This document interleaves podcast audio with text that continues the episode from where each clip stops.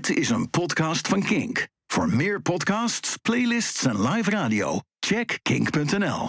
Kink. Kink op de week. Ik loop veel hard en vaak ook lange afstanden, want ik heb geen gevoel voor richting. en dit weekend is de Marathon van Rotterdam. Volgens de organisatie is dat hashtag de mooiste.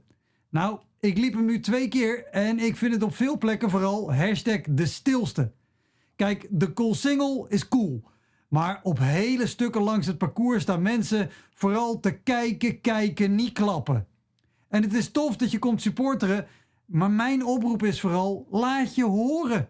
Want hier en daar voelt het niet als een marathon, maar als een stille tocht. Er staan duizenden mensen langs de kant die volgens mij gewoon één iemand kennen die meedoet. Daar zijn ze enthousiast voor, maar voor de rest kan er weinig vanaf. Staan ze daar een beetje chagrijnig naast elkaar. Zo, wat een pleuris enjoy. Ik vind het al ver met de auto. Slecht voor je knieën ook nog. Moeten er nieuwe knieën in van mijn zorgpremie. Lekker dan je. Oh, daar heb je Johan. Johan. Krijg je niet heel veel energie van als loper. Terwijl, ik heb ook wel eens de marathon van New York gelopen. Dat is andere koek, hè? dat is waanzin. Komen 2 miljoen Amerikanen kijken. 2 miljoen. Dat publiek is overal gewoon 3, 4, 5 rijen dik. Dat is één Amerikaan. En die gaan helemaal uit hun plaat. Voor elke loper. Of ze je kennen of niet. Voor iedereen. Wow, you look amazing. Woohoo, you go, yeah. Die worden gek. Want die zijn niet gewend om mensen te zien bewegen.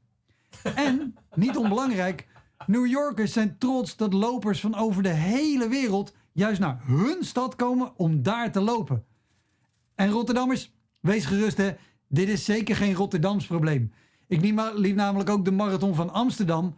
Daar kijken mensen je vooral boos aan omdat ze één dag per jaar even een paar honderd meter om moeten lopen. Al kan het ook zijn dat ze boos kijken omdat hun elektrische Van stuk is en repareren zo duur is dat je beter een nieuwe kan kopen. De marathon van Eindhoven dan? Eh, het enige stuk waar daar het publiek een beetje enthousiast is, is op Straat om Zend, midden in de stad. Maar dat had er vooral mee te maken dat ze daar voor het publiek drankposten hadden ingericht met bier. De enige loper die op het parcours uh, de handjes een beetje op elkaar kreeg, was de gast die verkleed liep als worstenbroike. en toen ik een paar jaar terug de marathon van Utrecht liep, hadden de Utrechters niet eens door dat er een marathon bezig was. Maar ja, het deed ook niet voor niets. Domstad. En nu is er vast een Utrechter, Utrechter die denkt: Wat nou? Ik stond langs de kant. Ik heb geklap. Nou, laat me je vertellen: hij hebt niet geklap. Hij hebt geknippers met zijn wimpers, maar dat heet toch geen klappen? De marathon van Berlijn vorig jaar. Dat was een hele andere koek. Niet dat ze daar helemaal losgaan, het blijven Duitsers, maar indrukwekkend was het wel.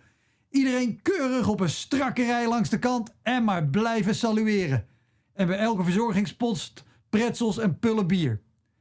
Kijk, je hoeft niet te komen kijken, zeker niet. Dus blijf vooral thuis als je er geen zin in hebt. Maar kom je wel kijken, weet dan dat er niks zoveel energie slurpt als stille mensen met hun armen over elkaar.